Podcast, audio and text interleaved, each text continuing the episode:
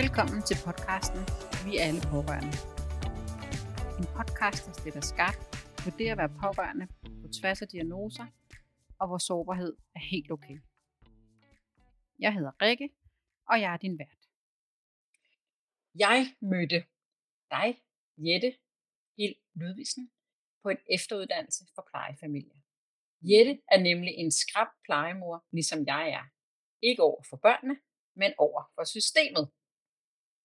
Jette er også journalist og butiksejer, og det jeg falder for hos Jette er, at hun arrangerer havekoncerter hjemme i sin egen have med kendte kunstnere som Chief One, Søren Sko, Lis Sørensen og mange, mange flere. Målet med de her havekoncerter er at give anbragte børn og unge nogle gode oplevelser. Og jeg elsker alt ved det. I denne episode kommer du til at høre meget mere om havekoncerterne og om Jettes kamp for anbragte børn og unge, som hun gerne vil løfte op i voksenlivet på stærke vinger. Jettes seneste initiativ er en forening skabt i samarbejde med Marete Vinter Hillebrandt og Bente Smeichel.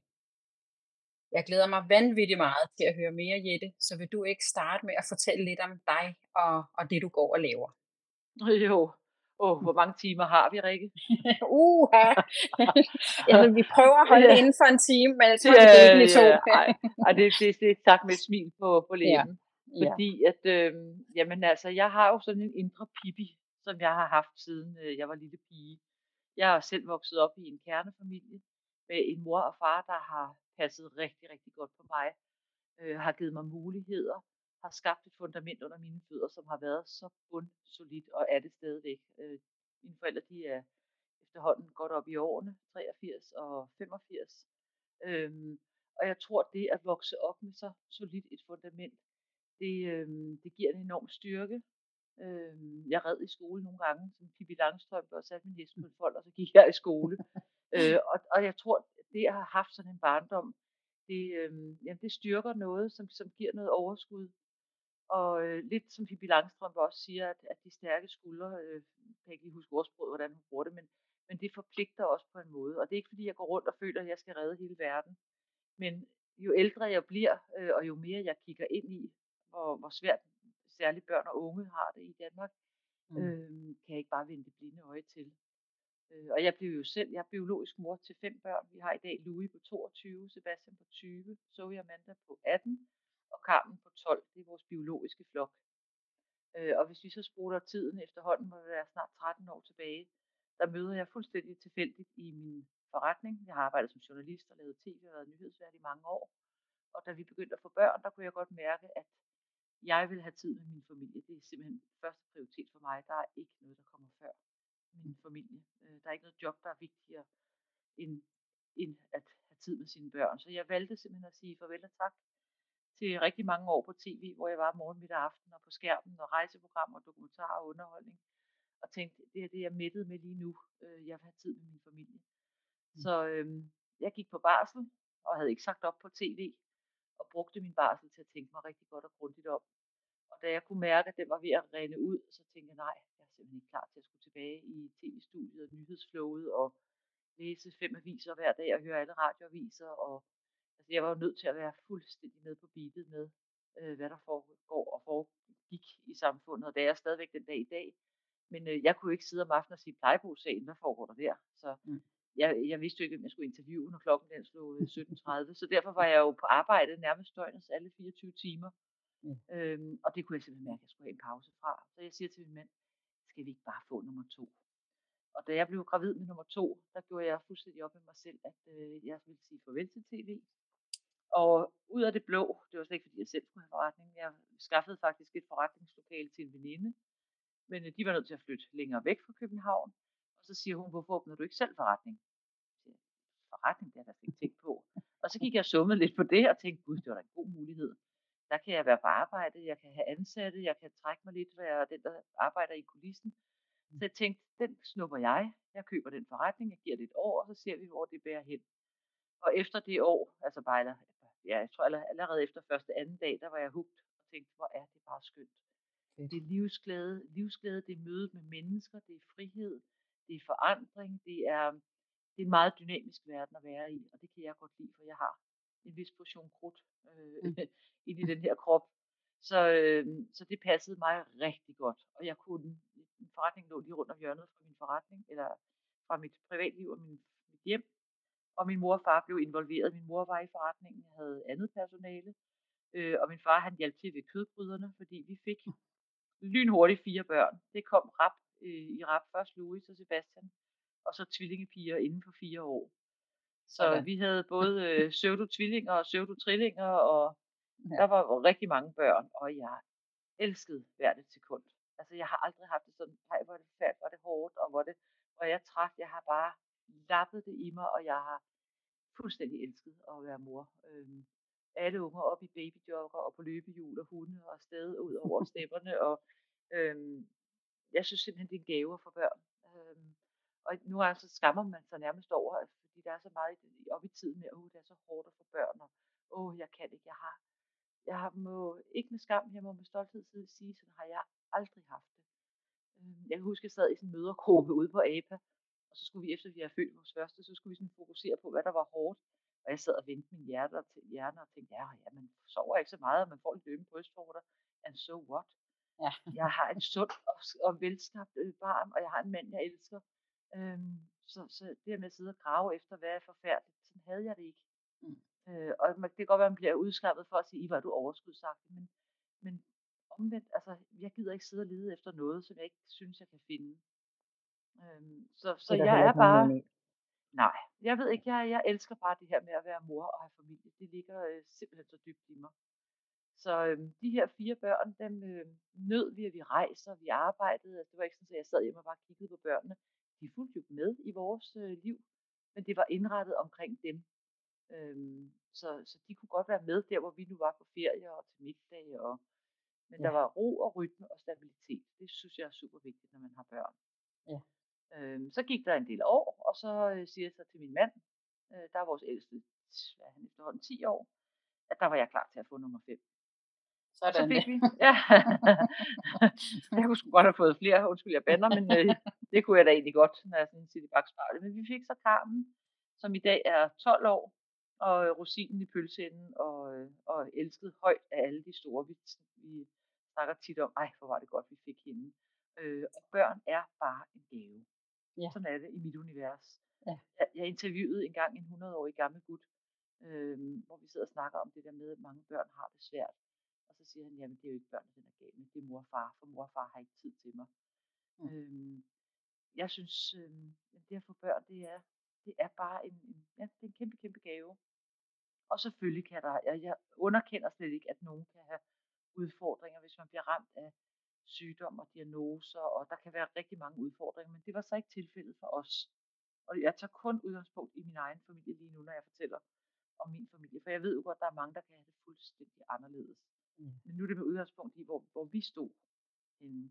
Så vi fik de her fem børn, øh, og der går to år cirka, jeg er på arbejde i min forretning, og ind ad døren træder en, øh, en pige og hendes mor, og øh, mor hun går rundt i forretningen og kigger på ting og sager, og der er mange kunder i forretningen, og pigen hun kommer ligesom over og står der, hvor jeg er. Jeg arbejder tit, jeg har min computer med i forretningen.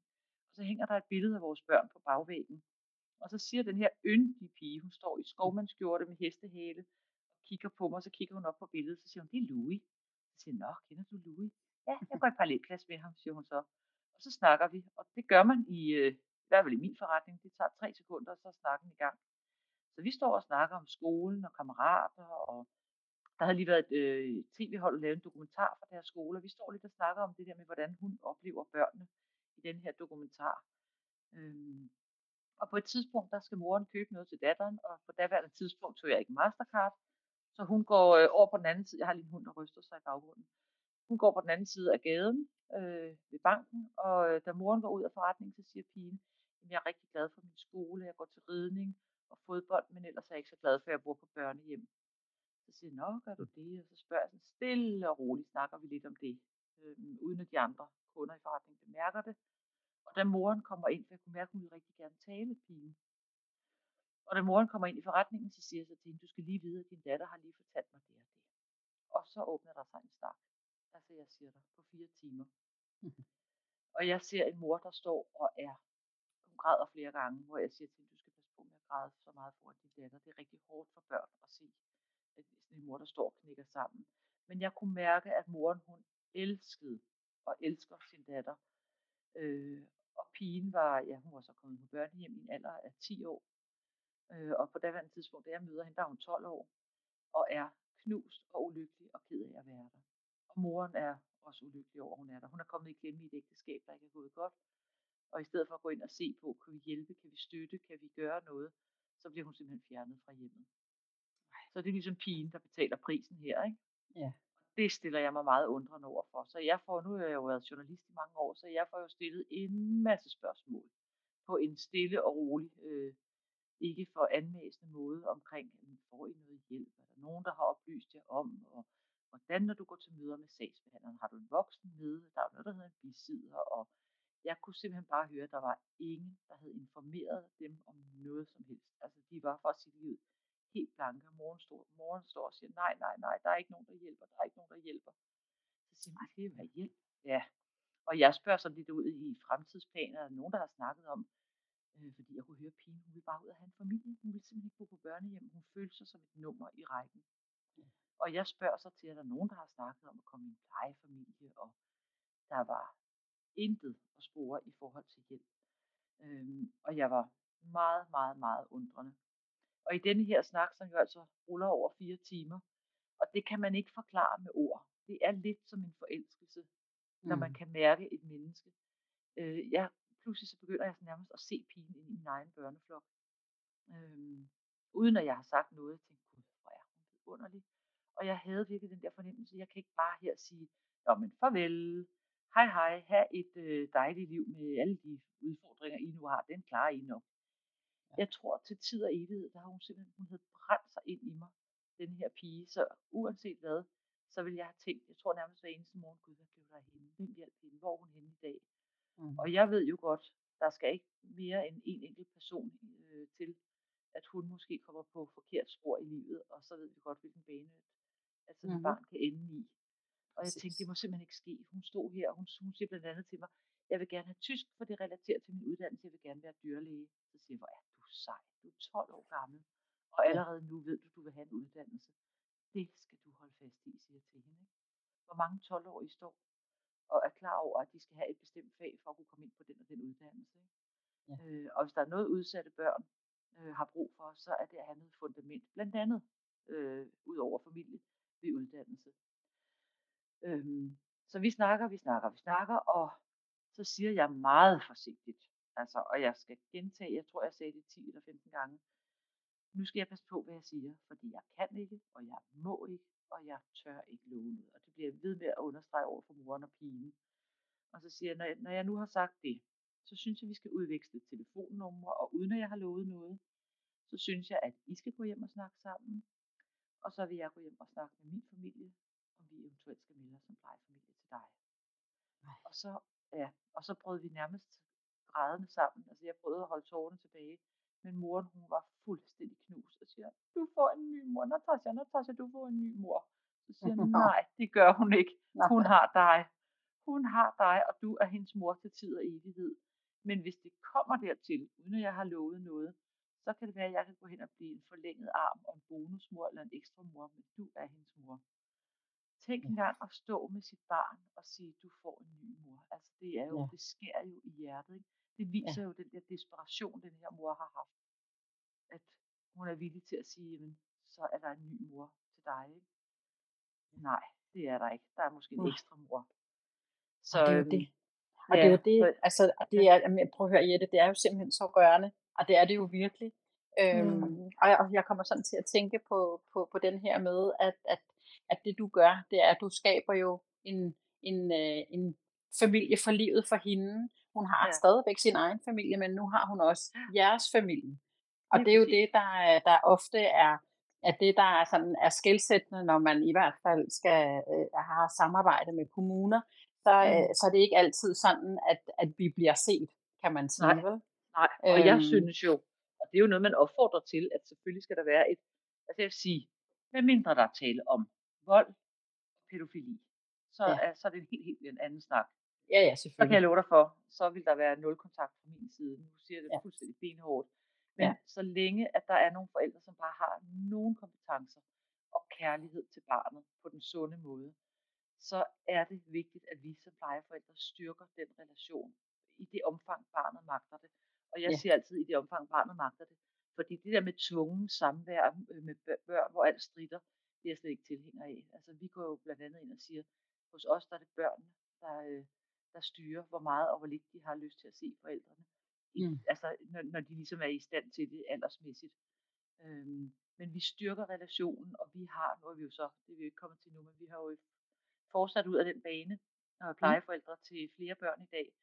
Og vi har det bedste, bedste, bedste samarbejde og forhold til vores børns øh, forældre, fordi de kan godt mærke, altså vi gør tingene helt omvendt hos os. Det er børnene og forældrene, der skal godkende os. Sådan er det jo ikke i systemet, men, men det er sådan en ting, vi har hos os. Ja. Det gør jo, at de føler sig trygge ved os, at Ja. de ved, at vi kommer ikke og overruler dem og tager deres børn. Vi er forlænget ekstra kærlige arme, øhm, der skal løfte børnene i en hverdag med tryghed og ro og nærvær og alt det, som børn har brug for. Ikke? Ja, Men vi udskammer og vi udskiller ikke nogen forældre hos os. Nej, det skal vi jo heller ikke gøre. Altså, Nej. jeg kan huske, da, da vores yngste, som jo nu er 21, han, Mm. øh, da han skulle anbringes øh, fra fødslen, øh, og det vil sige, at vi bliver øh, godkendt inden, øh, og der er hans mor med øh, og gravid, øh, og hendes første øh, spørgsmål til mig, øh, det er, hvad synes du om mig som mor, når jeg kan anbringe mit barn?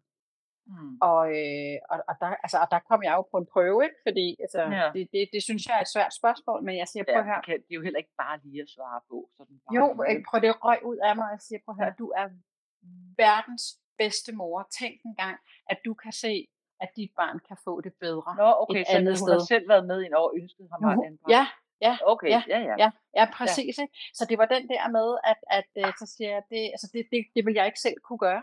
Så, Nej. så den der med at, at ruse hende for den opgave, det tror jeg blev kimen til det samarbejde, Jamen, vi, øh, vi havde de år, hvor vi havde det. Ikke? Altså den der med Fuldstændig. at, at, øh, at anerkende hende for det menneske, Ja. hun er, og for den beslutning, hun har taget.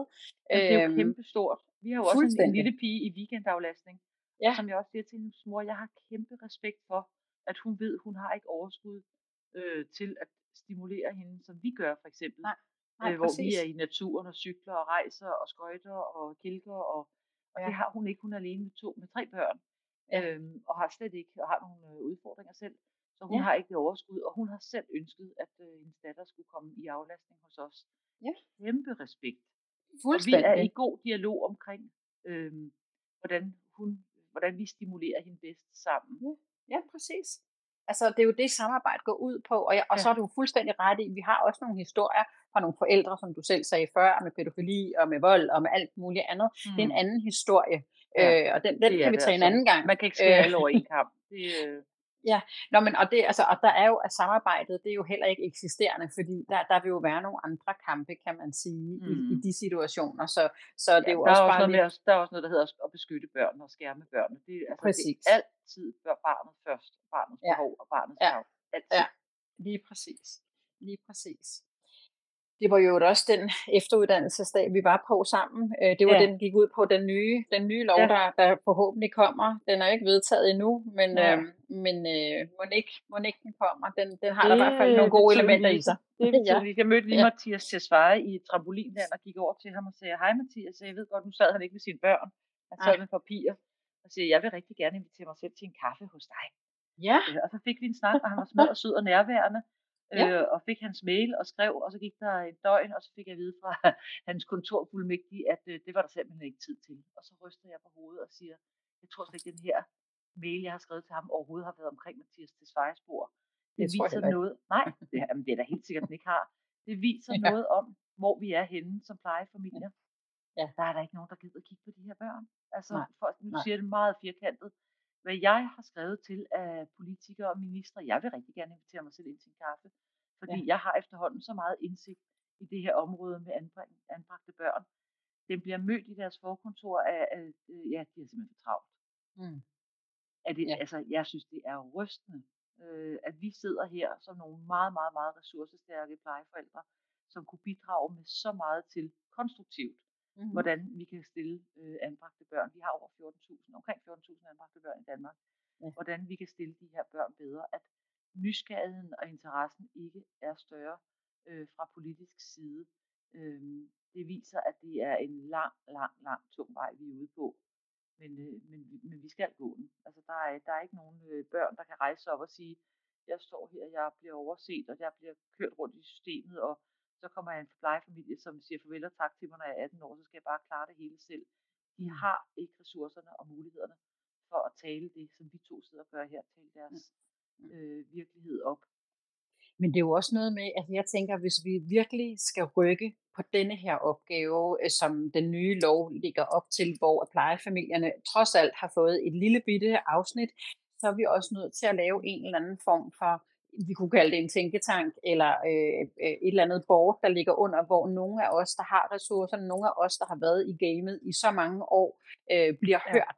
Øhm, ja. Fordi altså, jeg tænker, at, at det, der skal til i hvert fald, det er jo selvfølgelig, det er en kæmpe skud, der skal vendes, det er helt med på, og det mm. er, har altid været David mod Goliat, og så er der jo nogen, som dig og mig, der, der, der godt tør og, og gå til dem og sige, prøv at høre, hvis jeg skal have bedst mulige arbejdsvilkår, eller vilkår for det her barn, for jeg kalder det faktisk ikke engang et arbejde, han Nej. er en del af vores familie, men ja. hvis vi skal samarbejde ordentligt, så gælder det hele vejen rundt. Det, men altså, hvis dig jeg... er der desværre ikke flest af, nu siger det som det Nej. er, fordi jeg har siddet på rigtig mange kurser, ja. og jeg har da kastet rigtig meget øh, benzin ind på bålet, når jeg sidder med plejeforældre omkring, hvordan vi kan stille os bedre, hvordan vi, ja. vi øh, etablere os, og rigtig mange mm. kigger ned i jorden, som om, hvad skal vi nu? Ja. Ikke? Ja. Vi er kommet på det her kursus tvunget øh, for sit liv. Det er virkelig, og nogle gange er der nogen, der kommer løbende hen til mig bagefter og siger, ej, hvor er det fedt, du siger, hvor er det godt. Ja. Men det er sjældent, at der er nogen, der rækker hånden op i vejret og siger, ja, kan vi etableres? Kan vi gøre noget? Det, ja. det, det, Ja. Ja. Øhm, men vi skal heller ikke gøre det som sådan en eller anden øh, revolution, eller hvad sådan, nej, rebelsk, nej, eller ikke, det skal det jo gøres ordentligt. Ikke? Det er altså, slet ikke det. Men, nej, men, altså, men at, vi på, at vi kan styrke os sammen og sige, ja. kan vi måske i fællesskab skrive et brev til nogle minister? Kan vi komme ind på ja. Christiansborg og lave ja. en konference, hvor vi får fagpersoner, ja. hvor vi får ja. øh, masser af plejefamilier hvor vi får nogle tidligere ja. anbragte, hvor vi lytter ja. til hinanden og siger, hvorfor gik det ikke så godt for dig? Hvad var det, der gjorde, det var rigtig godt for dig? Hvor, ja. hvad, hvad kunne vi have styrket dig bedre i din anbringelse? Og jeg ved godt, der er noget, der hedder de anbragte børns vilkår. Men, men der er altså også det, der hedder plejefamilier, som ser børnene. Vi vækker dem om morgenen, vi øh, mm. går til skolemøder, vi er, har dem til fritidsaktiviteter, vi ser, når de har venner med hjem, vi siger godnat til dem, vi er, mm. vi er dem 24-7 øh, år 365 dage. Altid. Så vi har en indsigt, som øh, er helt, helt, helt særlig, og, og vi har nogle kompetencer i at øh, kunne bidrage konstruktivt til, hvordan vi kan gøre tingene bedre.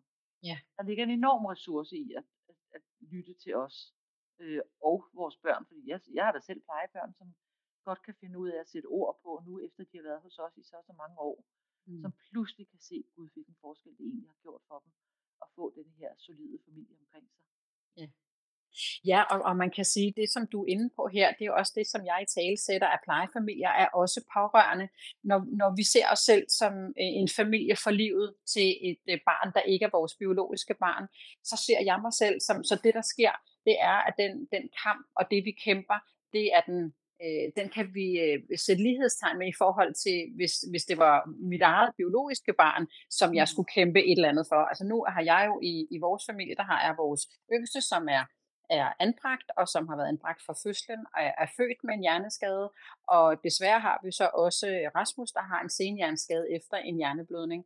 Og jeg mm. kæmper, altså, eller altså jo, jeg kæmper jo selvfølgelig, fordi der er jo nogle ting, jeg skal som mor og som pårørende, men jeg ser de to funktioner, altså de ens, det der sker for mm. mig som menneske, der, der er ikke nogen forskel i, i, i det arbejde, jeg gør for den ene eller for den anden. Det er bare to forskellige kommuner, det, jeg holder med med. Ja, men ja, det er der ja. altså hvis nu så så udgangspunkt i, i, de børn, jeg sidder med lige nu, ikke? Ja. Øh, vi har jo to biologiske piger på 18 år, og så er der vores ældste plejedatter, som bliver 18 her i næste måned. Ja. Øh, og vi får jo sådan besøg af en sagsbehandler, der kommer ud med et schema til vores øh, ældste plejedatter. Allerede da hun var 16,5, kan du købe ind, kan du vaske tøj, kan du lave mad. Så siger jeg, det ja. kan du godt, men det skal du ikke, for det gør David og mig. Du ja. skal bare passe din skole og dine venner og have det sjovt og ja, fritidsaktiviteter og alt det ja. der. Ja. Øh, og så står der så også i skemaet, ved du hvad kontanthjælp er? Så kigger jeg på hende, og så kigger jeg på sagsbehandleren og siger, det ved vi godt, det skal vi ikke bruge. Nej tak. og så streger jeg det fuldstændig ud med en stor, fed øh, kuglepen, og skriver uddannelse. Det skal Ja. vi have. Vi skal ikke Ja. have kontanthjælp. Og så kan vi Nej. sidde og grine lidt af det. Men faktum er, at, og det sad vi og snakkede om her for forleden aften, så siger jeg til vores øh, biologiske piger, ja, altså nu, I er jo blevet 18 år, så hvis, vi- lad os nu sige, I har været plejebørn. Så kunne jeg have siddet som plejemor og sagt, jamen nu er du 18, du burde faktisk have pakket din kuffert og var flyttet på et eller andet klubværelse, hvis kommunen Mm. havde givet at, at finde et eller andet til dig. Sikkert sammen med nogen øh, Mm. unge, som nok også havde en masse udfordringer. Mm. Men I er jo så heldige, så I er biologiske børn, så det, I bliver jo ikke bare sendt ud af redden. Så kigger jeg over på Patricia og siger, lov er du hos os, Patricia. Fordi Mm. mm. du kommer ikke til, nu bliver du 18 lige om et øjeblik, og bliver sendt ud af vores rede. Det er virkeligheden for mange unge. Ja. Hun bor her, så længe hun overhovedet har lyst til tid og evighed. Og det er Mm. hende, der beslutter, hvornår hun har, fly, har lyst til at flytte hjemmefra. Og mine biologiske børn, de sad næsten, det var lige før de fik tårer øh, i øjnene. Ja. ja. det er ikke rigtigt. Så jo, det er jo virkeligheden. Patricia, hvis hun var kommet i en anden plejefamilie end vores, så kunne hun have risikeret at sagt, ja, om halvanden måned, så er du 18 år. Så øh, hej hej med dig, så Mm. flytter du bare ud. Ikke? Tænk en virkelighed, vi byder anbragte børn og unge. Ja. Det er jo dobbelt Ja. op på svigt. Først er der et svigt fra biologisk ophav, som ikke kan eller ikke evner, eller hvad deres historie er. Og så er der Gud hjælp mig plejefamilier oveni, som siger, ja, nu følger der ikke penge med dig mere, for at sige det Ja. som det er. Ja. Så nu vipper du bare videre på et klubværelse. Det Ja. er den benhårde, barske virkelighed. Jeg ved Ja. godt, det lyder meget hårdt, men forestil dig at være i den unge sko og stå Mm. over for det her. Det er hårdere end hårdt. Altså, det er dobbelt op på svigt. Og det er det. Det er der mange, Det der er ikke er klar over, at sådan er virkeligheden altså for dem. Vi Ja. var familie indtil du blev 18 år, nu er vi ikke rigtig familie. Du kan måske komme og besøge os en gang imellem, men vi er ikke sådan en rigtig familie mere. Jo, Nej. man er. Og derfor siger jeg, og jeg kan ikke understrege det nok, at hvis man committer sig som plejefamilie, så er det for livet. Og jeg, jeg har det sådan, hvis man ikke evner det, så burde kommunerne være meget mere skrappe og sige, jamen tak for tilbuddet om, at I kom her, men så kan vi altså ikke bruge jer. Så skal I gøre noget andet. Man kan, ikke, man, kan, man kan ikke vende et barn ryggen. Det er den unge, der beslutter, hvornår de har lyst til at flytte hjemmefra i min optik. Men det er det jo. Og så kan man Ja. sige, altså her i vores lille øh, familie, øh, der øh, de ældste flyttede der først hjemmefra, da de var sådan midt 20'erne. Mm. Øh, så, så hvorfor skal, skal plejebørn, anbragte børn, øh, flytte, når de bliver 18, fordi de Det på papiret er blevet voksne? Ja, Det ja. er kun det er- kroner og øre, det handler om. Ja, ja. Og I det er jo så der, sammenhæng. ja, hvor jeg kan blive fuldstændig, altså det, og det er jo det, altså så bliver de jo en stangvare ude Ja. i øh, altså så bliver det jo Ja. bare noget, vi placerer på en hylde med Ja. en eller anden øh, paragraf i røven, undskyld mit sprog, og så, øh, og så, når, og så nu er du nået hertil, øh, og så det her. Altså jeg, har- jeg har også optaget en podcast for noget tid siden med Mikkel Gudsø, hvor vi faktisk også taler lidt om, om øh, en proces, vi har været igennem, hvor at, øh, at man synes noget omkring øh, Niklas, og, øh, og, og, altså, og fordi nu er han blevet 18, så siger man, Ja. han er jo ikke, han er jo ikke linær, han er jo født med en hjerneskade, så han er jo ikke bare øh, fløjet derud af, som det er jo heller ikke øh, altid alle biologiske børn gør det, men det, det er man på papiret der, og så skal man noget i deres, som du også siger, så er man nået hertil, så Ja. beslutter de noget, i stedet for overhovedet at gå ind og se øh, og spørge os, eller spørge mm. STU, eller spørge ham selv. Ja. Ja. Øh, selvom han har en hjerneskade, kan han, man faktisk godt tale med ham. Ikke? Altså, er han er virkelig det. faktisk et menneske. Ja. og og det, det, det er jo sådan nogle ting, jeg bliver virkelig, virkelig Ja. øh, vred Men over. det, der, men det, der er og, kritisabelt i det danske samfund, undskyld, ud af munden på dig, det er, at ja, anbragte børn er nogle små brikker, der bliver rykket rundt i alt for mange. Ja. Ja. Det lyder som, at Ja. jeg generaliserer, men i rigtig, rigtig, rigtig mange. Nu har jeg haft Ja. så mange år Ja. øh, med, med et blik ind i den her verden, og jeg kan huske, nu går vi helt tilbage til aller, aller første møde med vores øh, store voksne plejedatter, hvor at det var en, en af de øverst placerede, hvis ikke jeg skal sige den øverst placerede i Københavns Kommune, da jeg kontakter, fordi der var, det var en lang kamp at blive plejefamilie for hende, fordi vi var jo ikke godkendt, og der var alt muligt. Det skal jeg ikke træffe dig med her, men jeg ringer jo blandt andet til øh, den øverste chef i Københavns Kommune og spørger simpelthen, hvor er børnehjemmet henne i det her? Hvorfor Mm. har de ikke lagt mere arbejde i at få hende ud i en rigtig god, sund øh, Mm. kernefamilie, øh, hvor hun kunne blomstre?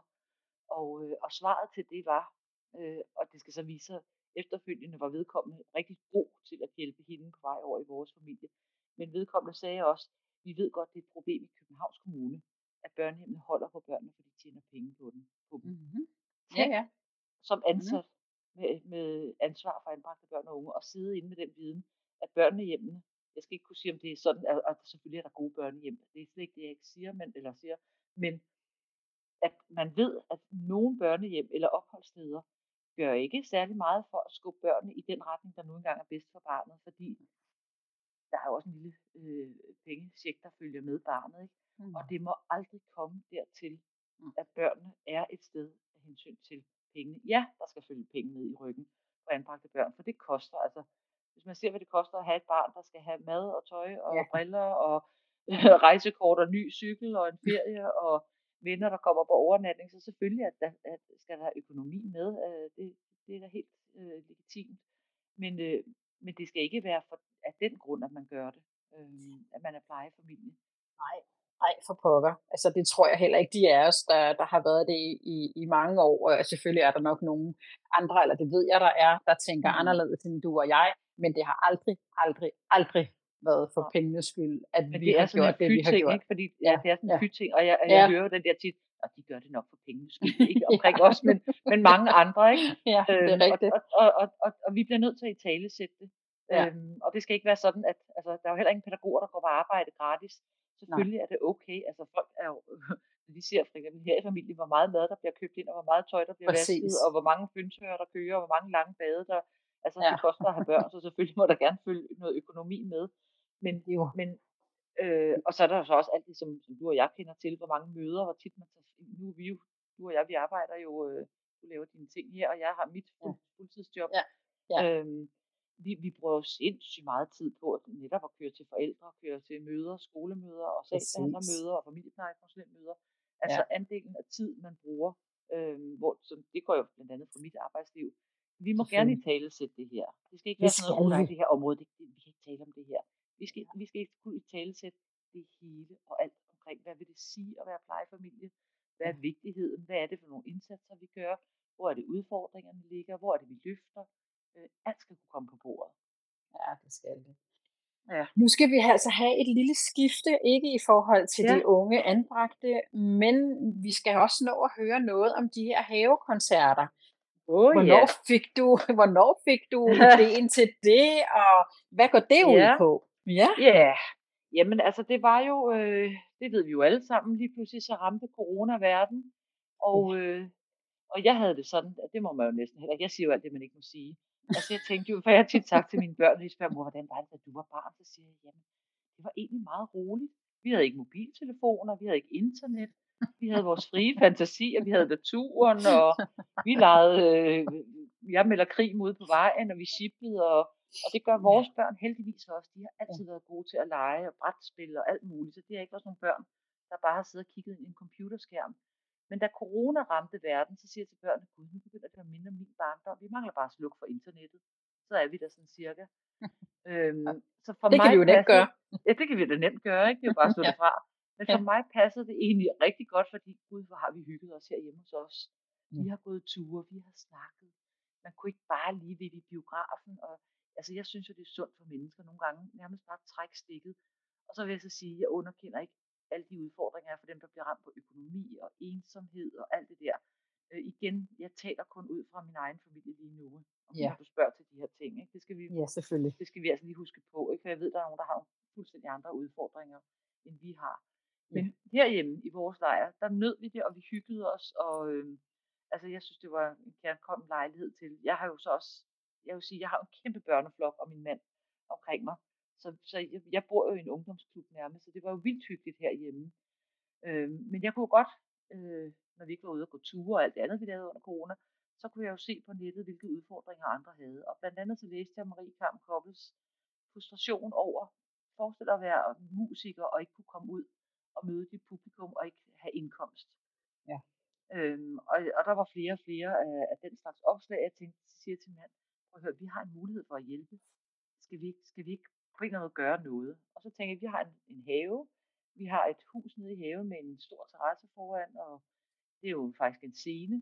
Jeg siger, vi kunne da godt sige til de musikere, der ikke kan komme ud og tjene penge, kom og lave havekoncerter hos os, og så gør vi det med alle coronarestriktioner, med afspritning, med mundbind, med afstand. Øh, så jeg lavede et opslag på Facebook og siger, hvis der er nogen musikere, der har lyst til at komme ud og lave open air koncerter hos os, med alle de her coronarestriktioner og forbehold taget øh, ja, i, under ja, stor øh, alvor, så øh, lægger vi gerne have til. Og så skriver Benjamin Koppel, det vil vi gerne. Jeg tænkte, fint, så lad os prøve det. Så mm. hans booker og jeg og Benjamin, vi gik i gang. Og øh, på ja, under en måned havde vi sat første koncert op, og der havde vi jo så øh, over 200 øh, betalende gæster i haven, og det skal siges, jeg tjener ikke en krone på det. Jeg sagde til musikerne, når I lægger en koncert op, så er det jer, der lægger den ud. Jeg skal overhovedet ikke have noget med økonomi at gøre. Jeg er bare host og mm. faciliterer og siger velkommen og goddag og sætter stole op sammen med jeres booker. Så vi, vi lægger hus og have til og har intet med økonomi at gøre. Det er jer, der skal ud og tjene penge. Det er jeres penge. Ja. Øh, og så tænkte jeg, for den første koncert, der havde vi Marie Carmen Koppel, Benjamin Koppel, Maria Montel, Kaja Bryl og øh, fantastiske musikere omkring dem. Stryger og livestrings. Øh. Ej. Jeg tænkte, når nu vi har publikum i haven, så er det jo en oplagt mulighed for mig til at bruge det til noget. Så det er ikke bare, hu hej, hvor det går, og i hvor vi fester, hvor har vi det hyggeligt. Men mm. simpelthen at sige, det her, det er jo ikke en David Jette, øh, Marie Carmen Koppel, Benjamin Koppelfest. Det her, det er et fællesskab, vi skaber for at et, kunne gøre noget for musikken. Øh, vi får mennesker ud, som nogen synes, det var svært at være isoleret. Så kom man og sad her i haven og kunne sidde sådan på afstand og snakke sammen og grine lidt sammen. Men jeg gik jo så også på scenen og sagde velkommen til folk og takkede dem for at støtte kulturen og musikken. Men også fortalte dem lidt om, hvad det vil sige, som vi gør her, at være plejefamilie og prøve at tale ind i. For jeg ved, at det var nogle ressourcestærke mennesker, mange af dem, der sad i haven. Kunne man overveje eventuelt at blive plejefamilie, aflastningsfamilie, gøre noget for de her mange, mange, mange anbragte børn og unge. Det kunne godt være, der sad en, to eller tre eller fem, som enten selv kunne overveje det, eller kunne gå hjem i deres netværk og sige, hov, der var altså måske nogle af os, der kunne gøre noget her. Mm. Øhm, så det var den ene ting i det, og den anden ting, det var, at så fik jeg jo øh, folk til, faktisk under første koncert, jeg vidste ikke rigtig, øh, kan jeg lide at gøre det her, men der var en, der sagde, det skal du. Så de sidste øh, 5-10 minutter, øh, da vi havde publikum i haven, der siger jeg til dem, at hvis der er nogen af jer, der har lyst til at lave en lille donation, lidt som i kirken der, øh, på vej ud, så får en lille kirkebøsse derovre. Og på no time, altså det tog mig måske 5 minutter, så har jeg samlet de første 10.000 kroner ind og tænkte, okay, folk vil jo gerne. Og de mm. første 10.000 kroner, dem donerede jeg straks til, øh, til børns vilkår, til øh, børnetelefonen. Så de fik den første check og tænkte, okay, det her det kan altså noget. Mm. Det er en trætrinsraket. Vi øh, hjælper musikere til løn. Vi får samlet penge ind til anbragte børn og unge, og folk kommer ud og får et hyggeligt lille øh, socialt fællesskab. Ja, fedt. Ja, det, det gav, er der virkelig. Jamen, det er der bare så meget ikke, for. Ja, ja, ja, fuldstændig. Ja, ja, ja. Øh, og nu var det så i oktober måned, så vi kunne ikke nå at gøre mere den vinter, men, øh, men den efter, efterfølgende forår, så fortsatte vi og så greb det jo ligesom om sig, det blev simpelthen så populært, at øh, hvad hedder hun, Sørensen ringede selv og spurgte, må jeg komme ud og spille i jeres have? Ja tak, det må du gerne. Søren Sko kom og spillede, vi har jo haft, ja, vi har jo haft simpelthen øh, toppen af poppen inden for dansk musik. Ja, det må man sige. Øh, og Benjamin Koppel, han har jo haft den ene store øh, stjerne med på scenen efter den anden. Og vi har fået skrabet penge ind, så vi har doneret penge til øh, Johannahuset, et akut krisecenter for børn, der ikke ved, hvor de skal gå hen, når bølgerne går højt i hjemmet og vi har doneret penge til Børnehjælpsdagen, som jeg har deltaget i mange, rigtig, rigtig mange af deres arrangementer, og de skaber jo glæde for anbragte børn og unge. De laver så mange gode ting. Så Børnehjælpsdagen har været med her i haven øh, efterfølgende, men, men de fik så check nummer tre. Og så tænkte jeg, med de muligheder, nu har vi efterhånden øh, lavet, og det lyder som om vi har lavet vanvittigt mange koncerter, vi har lavet sådan nogle, det er formiddagskoncerter, skal jeg sige, eller midt på dagen, øh, med opbakning fra naboer, grundejerforening. Så der har været fuld opbakning fra mm, omverdenen omkring her, hvor vi bor, og vi har lagt det på nogle tidspunkter, hvor vi, hvor vi ikke har forstyrret folks øh, nattesøvn og arbejdsliv og øh, børneputning osv. Øh, og i øvrigt i et lydniveau. Øh, vi har Københavns Kommune fuldstændig i ryggen også og fået, fået målt lyd. Øh, og alle vores koncerter foregår i et lydniveau, hvor man kan sidde og samtale uden at skulle hæve stemmen. Det er meget vigtigt for mig også at understrege. Vi holder ikke vilde rave parties med, øh, altså hvor vi ikke tænker på naboer. Det er med kæmpe respekt og omtanke for naboer. Så jeg tænkte, hvad kan vi gøre for de anbragte børn og unge direkte, fordi nu har vi doneret nogle penge, men vi skal meget mere. Ikke? Mm. Altså der er ikke det der, vi skal ikke hjem, vi skal videre. Mm. Øhm, Præcis. og så siger en af mine døtre til mig en dag, øh, og Rikke, hold nu fast, du kender jo sikkert ikke engang Arti Arti, fordi hvem over øh, 30 gør Jeg har det, hørt dig. Jo, jo, jo, det har Ja. jeg trods alt hørt lidt. Jeg har jo også en ung herhjemme. Ja, det under jeg selvfølgelig. Så, Ja. øh, så jeg følger, prøver også at følge med i, hvem, hvem, hvem jeg synes, de unge er interessante. Så siger, øh, siger til mine børn, Nå, hvis vi nu skulle lave en koncert og invitere anbragte børn i Danmark, hvem kunne I så tænke på scenen? Og så siger en af mine børn, mor, du kan ikke få Arti Arti Ice Kid ud i haven. Og så siger jeg, try me. og jeg prøver ligesom at lære børn, hvis der er noget, man drømmer om eller har lyst til, så kæmp for det. Lad være med at sætte dig ned og sige, at det kan ikke lade sig gøre. Jeg har sådan, "Mm, lad os da prøve. Mm. Så øhm, jeg fik øhm, to store fonde i ryggen, øh, Spar Nord-fonden og Cool Unite-fonden, som gik ind og donerede øh, 500.000 kroner, en halv million. Og så kunne jeg jo gå ud og signe de her store kunstnere. Så jeg kunne komme hjem og sige til mine børn, ja nu har jeg altså signet Arti Artit og Ice Kid, og jeg har sågar også signet Jamilian, der vandt. Vild med Dans, Ja, ja. og, øh, og Togo, som også er en stor ungdomsstjerne. Og Ja. de var jo ved at falde bagover og sige, nå, okay, hvad var det, der ikke kunne lade sig gøre? Ja. Og så lavede jeg så i samarbejde med Børnehjælpsdagen, som sendte invitationer ud til anbragte børn og unge, og der blev jo, billetterne blev revet væk. Fordi min tanke er, mange af de her børn, de kan sidde på deres telefoner og se, hvad mange andre børn og unge får. Men øh, det er jo Mm. ikke altid, at børnehjemmene øh, vægter at købe en dyr billet til Tivoli. Så, så det der med at kunne sidde og se, hvad andre får, men ikke selv få det. Jeg tænkte, her hos mig, der skal de have det hele og mere til. Fordi jeg sagde til stjernerne, når, når I nu kommer hjem i haven, så skal I være nærværende. Der er ikke noget med at komme ind og være superstjerne. Det er hej og dag, og jeg ser dig, og vi taler. Øh, vi spærrede vores vej af med øh, øh, 30 meter langt telt, hvor der var frokost. Vi havde ansigtsmaler, som malede børn i ansigtet. Vi havde en frisør, to frisører, der stylede og klippede de børn, der havde lyst til det. Vi havde to bordtennisbuer, man kunne spille bordtennis. Vi havde fire basketnet, street basket. Jeg havde ambulancefolk, fordi at, øh, jeg, altså både sikkerheden i det, men også for at øh, vise børnene, der er uddannelsesmuligheder. Man kan blive Mm. ambulances øh, redder, Mm. man kan blive frisør, man kan blive kok, man kan Mm. blive kunstmaler, man kan blive, øh, altså der er mange muligheder. Så jeg prøver at lave sådan en lille uddannelsesmesse, fordi mange af de her unge begynder nærmest en alder, hvor de skal tænke uddannelse. Så Mm. udover at de får underholdning, de får et fællesskab med andre anbragte børn og unge i en meget, meget, meget tryg ramme, hvor der ikke er nogen, der går forbi og kigger, når der står alle de der anbragte børn. De er private. Øh, de kan fuldstændig sænke skuldrene og slappe af i det her fællesskab. Og vi er helt nede på græsplænen i øjenhøjde. Altså som jeg siger, mine arrangementer, det er ikke Tivoli og cirkus og krammermarked med hoppeborg og kaos.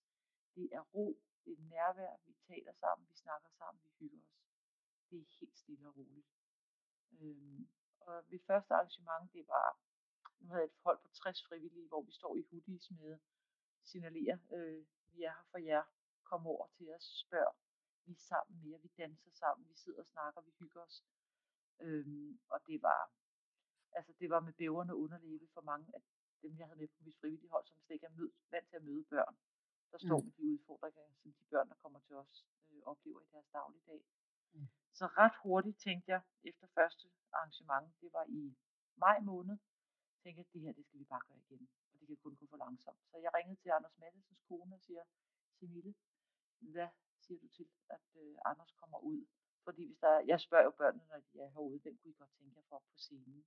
Og Mm. der er sådan nogle forskellige navne. Der er Anders Mattesen, Rasmus Sebak, Tobias Rahim, Andreas Oddbjerg, Medina og sådan nogle navne. Så siger vi, I hvad børn. Jeg kan jo ikke love, at jeg kan tage himlen ned, men jeg vil gøre alt, hvad jeg overhovedet kan for at prøve at få den himmel ned til jer. Og Mm. det er at få de her mennesker ud, som de har lyst til at møde. Øh, og Anders Mattesen, han var der med det samme. Og han ville ikke have noget for det. Det skal jeg så lige understrege. Mm. Øh, en kop kaffe, så er jeg glad. Altså kæmpe respekt, siger jeg bare. Ikke? Mm. Så han kom ud, øh, og så fik jeg sat en dag op. Jeg sagde, Anders, hvis du kommer, bare giv mig en dato, så, så laver jeg dagen omkring, hvornår du kan. Øh, og han kunne godt den, den søndag, som, øh, som vi kastede op i luften, og tænkte, en fint, så sætter jeg et hold omkring dig. Så jeg fik også Chief One med, øh, med band, der også kom ud gratis, øh, og optrådte for børnene, fordi han har jo også mærket til udfordringer i livet med depression og ned og ligge. Og det er vigtigt for mig, at børnene har nogen at spejle sig i, når, selvom livet har været hårdt, selvom det har været Mm. barsk, så kan man godt finde glæde og rejse sig igen. Så Chief One var med, og Togo fik jeg med igen, fordi han var også et kæmpe, kæmpe hit i første omgang. Han stillede også op gratis. Og så min gode private ven David Ove, som mm. øh, laver så mange fantastiske ting. Udover at han er skuespiller og øh, psykolog, så har han også noget, der hedder Inner Size, hvor han arbejder med kroppen, med vejrtrækning, mærke sig selv, mærke følelser. Øh, han var blandt andet med i tv-programmet programmet Korpset, hvor han mm. udfordrede sig selv max. Og han sagde, øh, fordi han er sådan lidt en supermand, og jeg siger, David, du er ikke ligesom os andre dødelige, øh, du kan jo gå gennem ild og vand uden at mærke noget som, som helst. Men han mærkede på et tidspunkt, hvor han blev udfordret så meget, at kulde fik ramt hans følelsesregister. Som, øh, han, han kom ind til nogle følelser, han slet ikke anede, han havde, og det var kulden, der udfordrede ham. Mm. Så, ja, så han er begyndt at arbejde meget med det der med, hvad mærker jeg, når kulden øh, kryber under huden på mig. Så David han kom sammen med hans øh, arbejdskollegaer øh, fra Innersize. Jeg kan kun opfordre til at gå ind og tjekke, hvad de laver. Det er helt vildt fantastisk. Mm. Øh, de kom ud, de her fire unge mænd, med tre store, kæmpestore iskar, fyldt med isklumper og vand. Og der gav vi børnene muligheden for, efter vi havde lavet øvelser med David på græsplænen, med at mærke sig selv med vejrtrækning. Øhm, fordi som jeg siger, børn skal ikke bare have diagnoser og medicin, og så, så klarer du bare den derfra. Vi skal lære dem, når jeg kan mærke, at min krop gør sådan sådan. Hvad gør det godt for mig? Kan jeg bruge det til noget? Vi skal give dem redskaber ned i deres øh, børne- og ungdomsrygsække, frem for bare diagnoser og medicin. Mm. Øh, og se de her børn blomstre i, ej, jeg tør godt, tør jeg det her? Hop op. Nogle af dem hoppede op i isvandet, andre skulle bare have en hånd ned i. Men de rykker sig. Det handler om at rykke dem hele tiden. Bitte, bitte, bitte, bitte små skridt i deres egne liv, hvor de selv er med og selv kan mærke noget. For rigtig mange anbragte børn, de mærker kun øh, smerte og tristhed. Øh, de mærker slet ikke det der følelsesregister med Gud. Det gør mig glad. Som jeg, som jeg kan mærke med vores plejebørn. Jeg opfordrer dem jo til i starten sammen med mig at bruge naturen. Gå en tur med hunden eller cykle en tur. Og jeg kan jo se resultatet, når de kommer hjem, eller når vi har været ude. Ej, det gør mig helt vildt glad at cykle, eller hvor er det mm. dejligt at gå en tur. Så det der med at mærke noget og rykke sig på det. Det bliver en lang snak det her, men, men det er simpelthen formålet, og jeg kan jo se, at det, at det gør forskel. Så det er der, vi er i dag. At, øh, mm. Det her, det fortsætter til, jeg med. At jeg elsker bare alt ved det, og det kan godt være, at det mm. blev øh, et langt svar, men det, jeg synes ja. også, det er vigtigt, at øh, for lytterne også ligesom at finde ud af, hvad er det, det her det handler om, fordi jeg tænker da, ja. at, øh, at øh, det, er, det er noget, der skal, der skal bredes vidt og bredt ud, fordi det er så mega vigtigt. Ja, fordi det lyder som om, når man laver bare en koncert og hej hej på dag, for ja, nej, det er præcis. meget mere end det. Det er, ja, det er, præcis. det er ro, vi taler, ja. vi lytter til dem, vi guider dem, vi viser dem vejen, vi, øh, altså hele den ja. der pakke af, altså for eksempel frisøren, hun siger, der er kæmpe kø til frisøren og, og ansigtsmaleren hver gang. Altså det er jo helt vildt, så populært de er. Ja. Og frisøren, hun siger blandt andet, der var nogle piger, der kom, som det var meget, meget tydeligt, at det har været voldsomt, det de har været igennem. De kom fire øh, fra et børnehjem med en fælles pædagog, og to af dem, de løb ind i haven med håret flagrende, og kunne nærmest ikke vente med at komme ind og møde de her store stjerner. Og de to andre, de, der var meget lukket og slukket i deres øh, univers jeg står altid, jeg siger altid til, jeg sætter nogle unge til at varetage opgaven med at passe på stjernerne, fordi jeg skal mm. være sammen med børnene. Yeah. Og jeg står og tager imod først er det børnehjælpsdagen, der er det første led, der byder velkommen, og næste led, når man kommer ind i vores have, det er så mig, der står og tager imod, og hej og dag, og hvad hedder du, og hvor gammel er du, og når jeg hedder Jette, og jeg er så så gammel, og, og ikke, så står vi og snakker lidt. Og to af de her piger, de havde meget, meget, meget svært ved at øh, kommunikere. Jeg tænkte, gud, hvad har I været igennem? Jeg tænkte, jeg holder lidt mm. øje med de her piger i løbet af dagen. Og da de kom ind, de gik sådan op og satte sig på vores terrasse, sådan lidt tilbage fra de andre børn. Øhm, og da der så skulle være på godt gammeldags dansk meet and greet, mød og sige hej, kalder jeg det, med mm. stjernerne, mm. der siger til den piger, vi ned. Så kom de med ned, og de var over hos Arti Arti Ejskid og få, få autografer, og alle børn får mulighed for at få taget billeder med stjernerne, og siger, kom piger, her der står I rigtig godt. Og jeg kunne bare se det, som skuldrene kom længere og længere ned brystkassen åbnede sig, der begyndte at komme smil på læben. De begyndte at tale med de andre børn. Og da musikken startede, der stod de og dansede foran, og jeg kunne bare se, wow mand. Altså fra at være helt lukket og slukket til begynde at stille og roligt og åbne op for det her. Det føles rart, det føles trygt. Øhm, det, det er ret vildt at se, hvor hurtigt børn kan begynde sådan at, at føle sig trygge og åbne, hvis, hvis vi skaber nogle rammer for dem, der er, der er gode og sunde. Øhm, og så siger en af pigerne, hun var så over hos frisøren, hun havde sådan et bandana om hovedet, og hun gik så hen til frisøren og spurgte, om hun ville klippe hende. Og i øvrigt så var der mange pædagoger, der sagde, vi er rigtig svært ved at få mange af de her børn til frisøren, de vil ikke klippes. Men her hos os, jeg skal da love for, der vil de rigtig gerne op og klippes. Hun lavede øh, det ene klip og kort, og jeg ved ikke hvad, på rekordtid sammen med hendes assistent.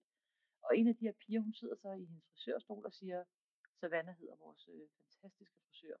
Savannah, vil du, vil du gerne klippe mig? Siger hun så. Ja, siger Savannah, det vil jeg rigtig gerne. Men du må ikke tage min bandana af, siger hun. Nej, siger Savannah, jeg kan sagtens klippe dig. Så letter jeg lidt på den. Og så siger pigen til hende, vil du vide, hvorfor jeg har det på? Ja, siger Savannah, frisøren. Det vil jeg gerne. Øh, det er fordi, jeg har så mange tanker, jeg har så meget smerte, at det holder sammen på mit hoved. Det siger jo noget om, hvad de her børn de bærer på. Den her pige, jeg tror hun er, jeg kender ikke hendes præcise alder, men det er omkring 14-15 år. De bærer på nogle ting, som er så tunge. Øhm, øh, ja, vi blev lige afbrudt et kort øjeblik, men jeg kan lige afrunde øh, fortællingen om, øh, om de her piger, der kom fra et børnehjem, hvor at, øh, som pædagogerne siger, nogle af børnene vil simpelthen ikke til frisør, men hos os, der hopper de op i stolen.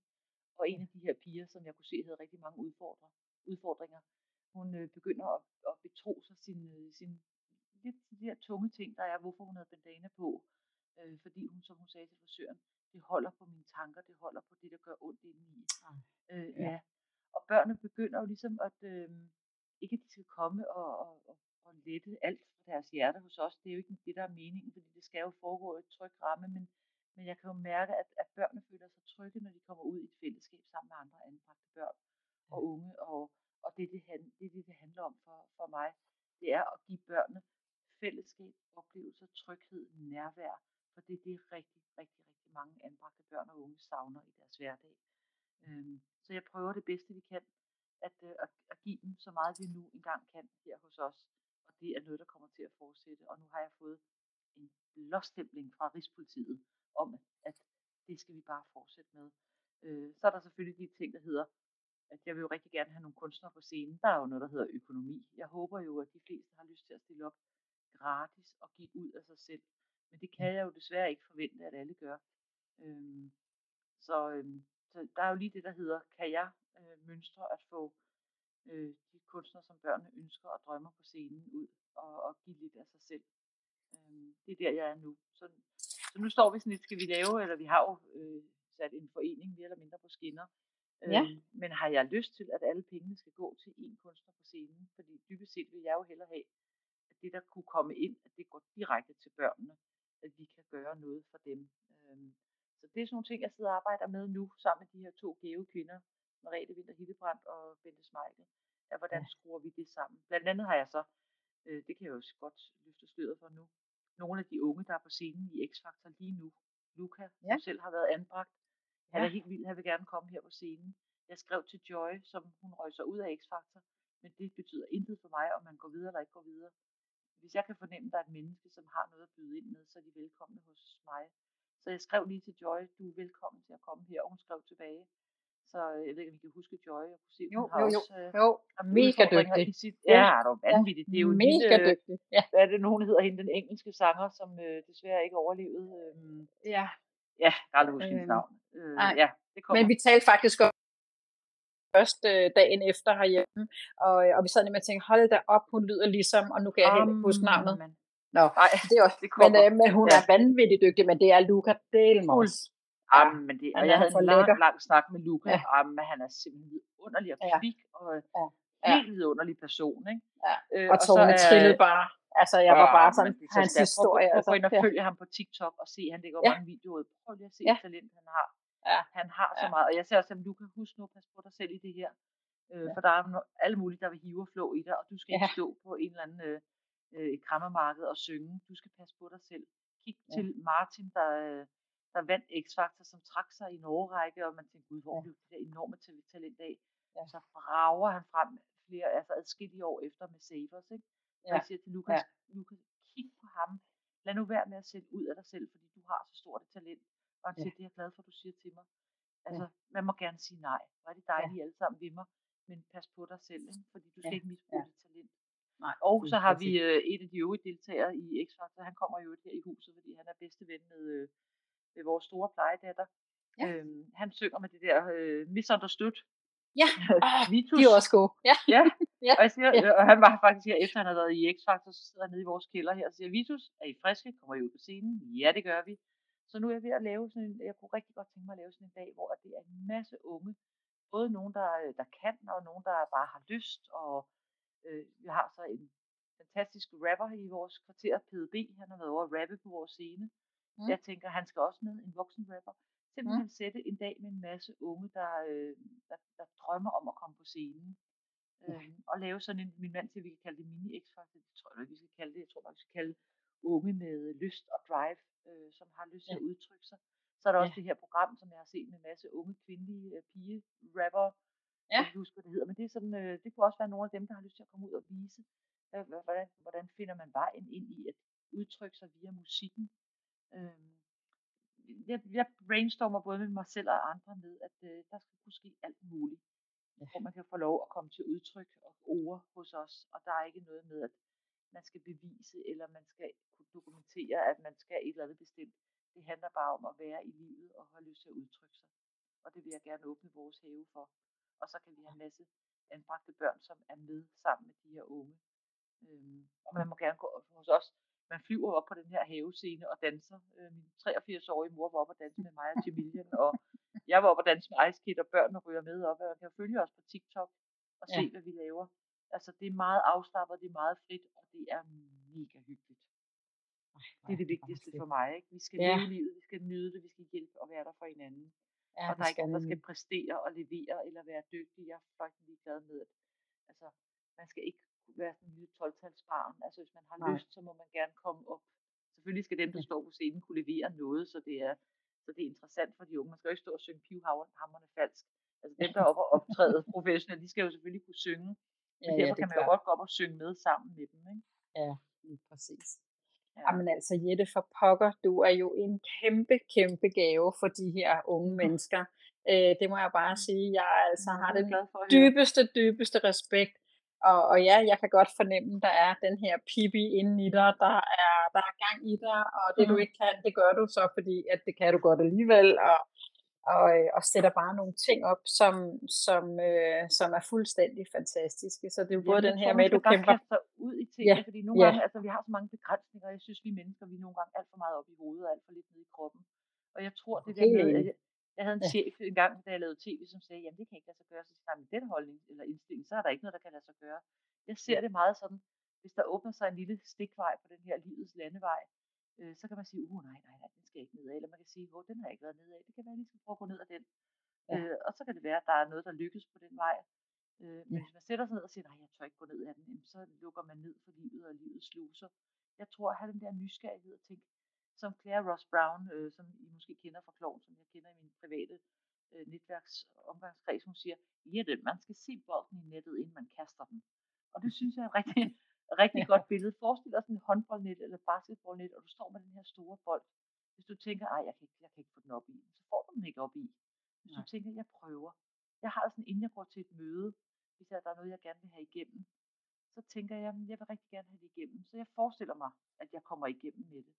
Ja. Altså det med at have sådan et billede hele tiden, eller ja. en stor hæk, der står foran en, så tænker jeg, jeg kommer ikke over den hæk. Jamen, så kommer du ikke over den. Så kan du ikke komme over den i dag. Men så kan det være, at du i morgen prøver, prøver at kravle hen over den. Du vælter ja. hen over, når du får skrammer og risser. Men når du sidder på den anden side af hækken med alle de her risser, tænker gud, jeg kom derover. Det gik da egentlig okay. Altså, så jeg tror, det er billedet, og det er det billede, jeg gerne vil give børnene, når der er bump på vejen, når der er udfordringer. Ved at sidde foran hækken og give op, være ked af det og tænke, nej, eller vil jeg prøve. Og nogle gange så kigger man igennem et hul i hækken og tænker, nej, den er for høj, jeg skal ikke over den i dag.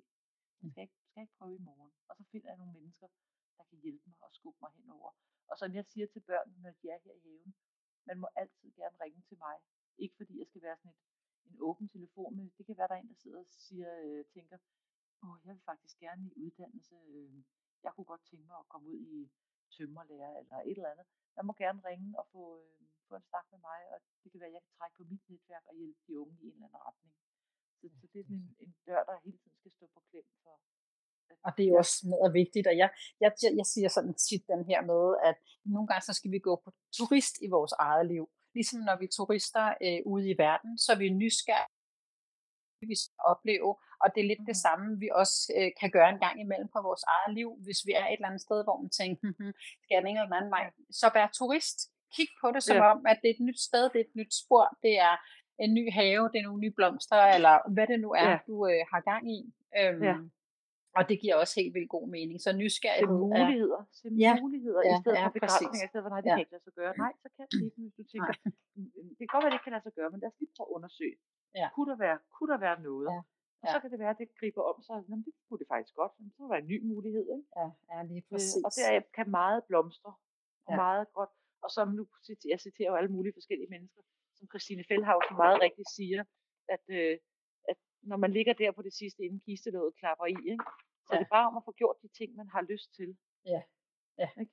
ja. Altså, lige præcis. Øh, og jeg synes, for mig, der handler det om, jeg, jeg lever et meget privilegeret liv, bor et dejligt sted og har alt muligt, det skal jeg ikke komme ind på. Jeg har et dejligt liv, og jeg kunne sagtens sige, så kan jeg rave mere til mig. Hvad, jeg drømmer ikke om, jeg kører en bil, der er tusse gammel, øh, der skal vi have et miljøfilter på, men jeg drømmer ikke om, jeg sidder og tænker med alle de her konkurrencer, hvor du kan vinde en bil, hvis du giver 150 kroner.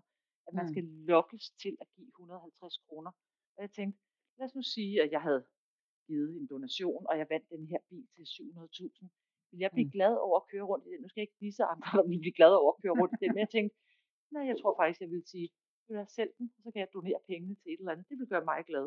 Mm. Øhm, jeg bliver ikke glad af at få nogle materielle, flere materielle ting, eller mere. Jeg vil gerne bo godt, jeg vil gerne spise godt, jeg vil alt muligt. Men, men jeg har ikke behov for, at, at jeg skal øh, bo i hjem med designermøbler. Jeg fungerer fint med, vi har selv lavet nogle spisebord og kørt lidt i IKEA. Altså, hvad, hvad ja. gør dig glad? Og det er jo meget forskelligt, hvad der gør os glade. Men igen, nu taler jeg ud for mig selv. Det, der gør mig glad, det er at kunne give noget ud. Jeg har et liv, hvor jeg har overskud. Jeg har mulighed for, også i mit arbejdsliv, at bruge min tid på mit arbejde til at sidde og gøre nogle ting, legne noget op, som kan give, for, give glæde og gøre forskel for andre. Og det er det, der gør, det er det, der giver mening for mig, inden mit kistelåg, det klapper i.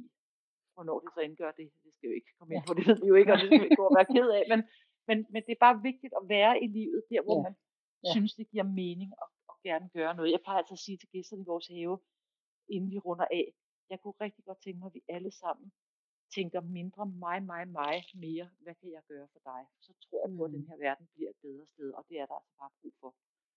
At vi alle sammen bidrager til, at verden bliver et bedre sted, ikke kun for os selv, men også for ja. andre. Det er ligesom min mission i livet nu. Hold nu op, hvor har du bare sagt nogle vanvittige gode ting, og det er blevet så godt. Øhm, Nå, det, det, det kan jeg allerede det. mærke. Ja, altså det, det er virkelig godt. Og jeg tænker, ja. at vi skal til at runde lidt af i det. Og ja. altså, har du noget sidste, som du rigtig gerne vil sige her? Så er ordet dit. Ja, altså, det lyder som det her program, som Michael Bertelsen laver med dine sidste ord. men, men, jeg, men jeg tror, at det er så meget vigtigt for mig, det med, øhm, mindre mig, mig, mig, mere, hvad kan jeg gøre for dig i den her verden? Ja, ja. Det er, ja, altså, og vi kan altid, det er så nemt at sidde og pege fingre og sige, nej, de gør ikke, og de gør ikke. Hvad gør jeg selv? Ja. Er der et barn i min barns klasse, som har det lidt svært, kunne man sige, at du må gerne komme med os ud og skøjte. Vi har haft mange børn øh, med på ferie, fordi vi vidste, at forældrene ikke havde mulighed for at, øh, at tage dem på ferie. Så vi har haft mange børn med i sommerhuser på Ødegård og mm. også andre steder i udlandet. Mm. Det der med, er der en nabo, øh, der kunne have brug for, at jeg lige bære nogle boller, eller spørger, skal jeg lige tage et indkøb med for dig, eller på alle måder i livets forhold.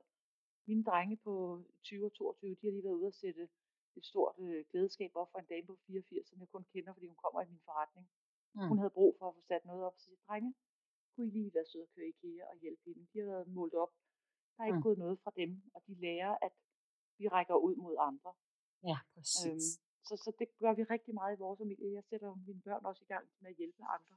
Ja. Kunne du eventuelt gå ind og spørge øh, vores nabo på 83, der har han brug for, at du lige hjælper med at flytte et eller andet, eller slå en græsplæne eller noget. Ja. Og det er vores forældreansvar at lære vores børn, ikke kun os selv, men også lære vores børn, vi rækker ud mod andre. Jeg lærer Præcis. mine børn ikke, at, øh, at de skal få 12 i skolen. Det er da fint nok, de får en udvalgt karakter, hvis det er det. Men jeg lærer dem mest af alt at være gode mennesker, at være gode kammerater, Kommer ja. der en ind i klassen, som måske kommer og flytter skole, fordi at, øh, de er blevet mobbet, så er du den, der går hen og siger, hej, vil du med ned og spille fodbold i gården, eller mm. jeg roser mine børn for, at øh, for vores plejebørn, biologiske og plejebørn, for at være helt vidunderlige, øh, ansvarlige, kærlige venner. Det, det er simpelthen missionen for mig, at, at med, og udover at jeg selv prøver at gøre noget, men også at give det videre til den næste generation. Række ud, gøre noget, være aktiv med til at gøre verden til et bedre sted. Og ikke kun selvfølgelig ude i den store verden, men også lige der, hvor I går og I står i hverdagen. Det er meget, meget, meget vigtigt. Så det er... Tusind tak. Det er, det er den bedste afslutning. Ja. Øh, tak for din tid, Jette. Jamen jeg selvfølgelig, virkelig anytime. nyt hvert et minut sammen med dig. Nå, tak så, skal du have, og det var hyggeligt også at snakke med dig. Du sad der og kiggede på hinanden øh, på det her kursus for plejeforældre. Ja. Og ja, lige præcis. Og jeg kunne også, ja. jeg kunne nærmest med ryggen til fornemme, at der var engagement i dig også. Ja. Jeg, spotter, jeg har sådan en snegl, der har sådan nogle antenner ude. Man kan altid fornemme, når der er god energi, og jeg kunne også godt fornemme på dig, at de spørgsmål, du stillede, at du er også en, øh, en kvinde, der rykker, og kæmpe respekt. Altså, jeg har dyb respekt for mennesker, der, øh, der tager handling og gør noget for andre. Og det, det gør jeg. Så, øh, så, øh, så hvis du har brug for flere hænder i din forening, så ja, siger du også bare til, sagtens, jeg er klar. Jeg er klar. Det kan sagtens, sagtens så, være. Nu skal vi se, hvor ja. vi lander, men det kan sagtens ja. være. Så du er ja. skrevet ind i, øh, ja. i mine tanker her. Du kan tro, jeg vil også gerne være med til at gøre verden til et bedre sted at være. Ja, så kan jeg overhovedet bidrage ind i noget af dit, så er jeg klar. Det kan vi sagtens finde ud af. Alle, der kommer så. omkring min vej, de bliver sat i gang, så ja, der får man ikke lov at hvile på laverbærene. Nej, præcis. Det skal vi heller ikke. Nej. Det skal vi sørge heller ikke.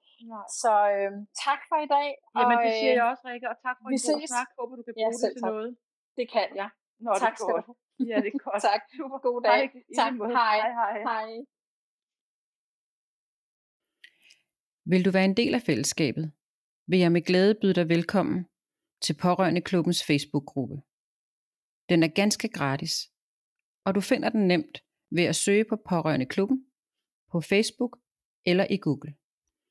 Der ligger også et direkte link i beskrivelsen. Kunne du lide episoden, så smid gerne 5 stjerner vores vej, der hvor du lytter til din podcast. Og vil du være helt sikker på og være klar, når næste episode lander, så ind og følg podcasten i din podcast-app. Tusind tak, fordi du lyttede med til denne episode af podcast-serien Vi er alle pårørende. Vi høres ved i næste episode.